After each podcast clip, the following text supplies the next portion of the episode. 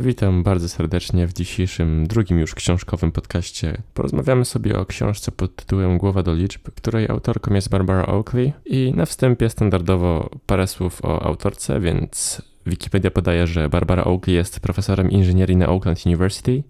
Zajmuje się wieloma dziedzinami badań przez edukację techniczną aż po praktyki edukacyjne. Sama książka przekazuje bardzo wiele ciekawych informacji dotyczących sposobów nauki i pokazuje, jak możemy je wdrożyć, aby ułatwić sobie życie. Także przechodzimy do pierwszego podpunktu i mówi on nam, że zanim zaczniemy w ogóle naukę, powinniśmy przejrzeć dokładnie cały materiał, który zamierzamy przerobić danego dnia, czyli w taki powierzchowny sposób przejrzeć jakieś obrazki, zadania, które będziemy wykonywać, ewentualnie spojrzeć na szybko na wzory jakieś, które będą nam potrzebne, ale nie zagłębiać się w nie tak w 100%. I autorka opisuje to jako taka rozgrzewka dla umysłu, aby mógł to wszystko sobie w tle przerobić i przygotować się na zadanie. I dzięki temu lepiej też zapoznasz się z takim ogólnym schematem, według którego będziesz pracował danego dnia i tym samym łatwiej będzie ci zrozumieć nowy materiał. Na samym początku bardzo ważne jest także, aby przyswoić takie ogólne zasady i pojęcia dla danego tematu, bo często pomija się takie podstawowe założenia, które na pierwszy rzut oka wydają się bardzo łatwe, a to właśnie one są najczęstszą przyczyną przyszłych problemów z materiałem. Dlatego jeśli czegoś nie rozumiesz, to wróć do podstaw, bo tam prawdopodobnie leży twój problem. Ok,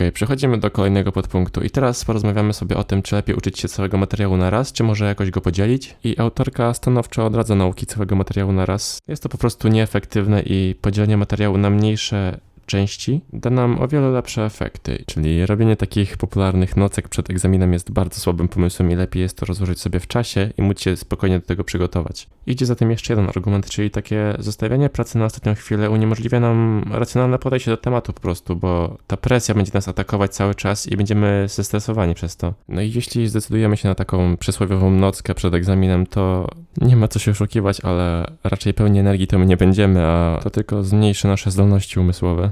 Ok, teraz przejdziemy do części, w której autorka podaje parę technik nauki i zdecydowanie one ułatwiają tę naukę i pozwalają się lepiej zorganizować. Więc pierwszy taki tip, który jest myślę dość popularny, to stosowanie techniki Pomodoro. I polega ona na tym, że dzielimy naszą naukę czy też pracę na takie bloki czasowe. Zaczynamy od tego, że powiedzmy ustalamy sobie, że pracuję teraz 30 minut, po tych 30 minutach wykonuję 5 minut przerwy. I po takich trzech albo czterech cyklach, czyli 30 minut pracy i 5 minut przerwy, wykonujesz jedną długą przerwę, czyli na przykład 15-20 minut. I oczywiście te bloki czasowe mogą być przez ciebie dowolnie zmieniane. To jest zależne tylko i wyłącznie od ciebie, tak? Możesz na przykład robić godzinę pracy i 10 minut przerwy.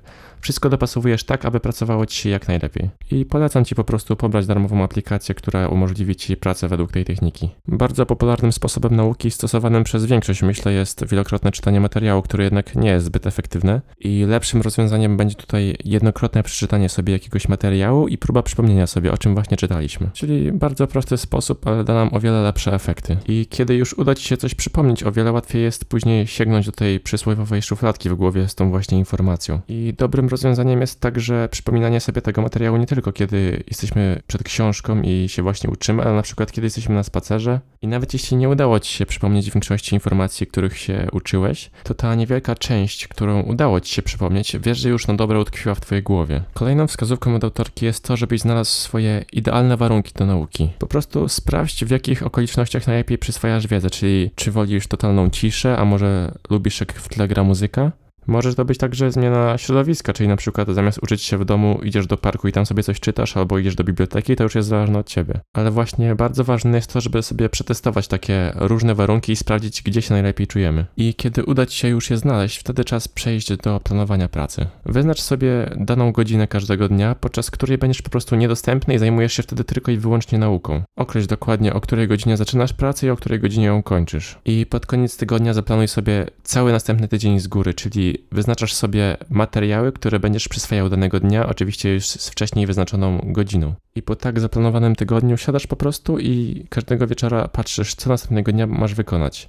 Oczywiście też starasz się wtedy być bardziej elastycznym, czyli nie trzymasz się sztywno danego planu, jeśli coś ci wypada, tylko działasz tak, żeby ci było wygodnie po prostu. Czyli nie stajesz się niewolnikiem własnych planów. Na przykład jutro wypada ci jakaś godzina i nie jesteś w stanie poświęcić jej na naukę, to starasz się zrobić wszystko, aby zagospodarować te godziny w jakiś inny dzień. I rozpoczynając pracę, najlepiej zabrać się na samym początku za najbardziej wymagające zadania, kiedy mamy po prostu najwięcej energii i nasz umysł jest jeszcze świeży. No i także warto zadbać o to, żeby uniknąć jakichś rozpraszaczy, czyli wyciszyć telefon, żeby nas nie bombardowały powiadomienia, bo na pewno to w żadnym stopniu nie pomaga w nauce. Okej, to teraz załóżmy, że trafiasz na jakieś ciężkie zadanie, którego nie potrafisz rozwiązać. I zazwyczaj pierwsze co robimy, to po prostu sięgamy do odpowiedzi, do, jakiegoś, do jakiegoś gotowego rozwiązania. To niekoniecznie jest dobrym pomysłem. Po prostu kiedy spędzisz trochę więcej czasu i rozwiążesz jakiś problem samodzielnie, pozwoli ci to lepiej zrozumieć schemat rozwiązywania danej kategorii problemów. Ale okej, okay, załóżmy, że już naprawdę długi czas spędziłeś na jakimś zadaniu i nie potrafisz go rozwiązać.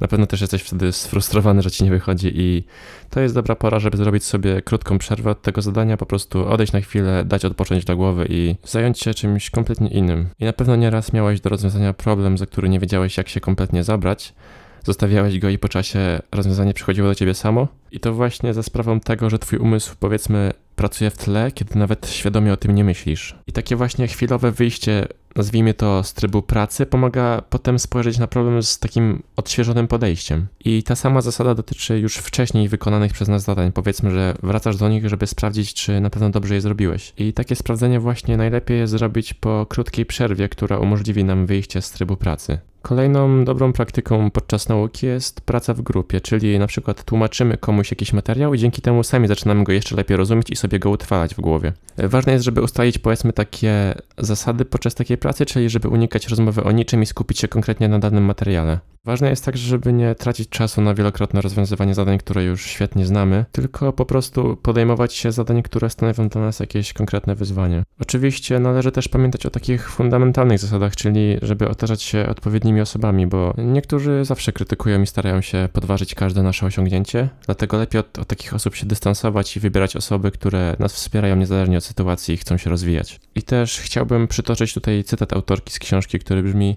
Jeśli pojmowanie podstaw dziedzin, których się uczysz, nie przychodzi ci szybko, nie wpadaj w rozpacz. Zaskakująco często tacy powolni uczniowie są w stanie zauważyć istotne aspekty zagadnienia, które umykają bystrzejszym studentom. I na sam koniec bardzo ważny punkt. Pamiętaj, żeby nagradzać siebie za dobrze wykonaną pracę. Czyli może być to dosłownie wszystko. Może być to partyjka w CS-a, może być to kostka czekolady, cokolwiek, co cię uszczęśliwia. A kiedy po prostu trafisz na gorszy dzień i ulegniesz prokrastynacji, to nie rób sobie wyrzutów sumienia, tylko zastanów się, co konkretnie było przyczyną tej prokrastynacji i staraj się po prostu nie dopuszczać do tego w przyszłości. I tym akcentem zakończymy dzisiejszy podcast.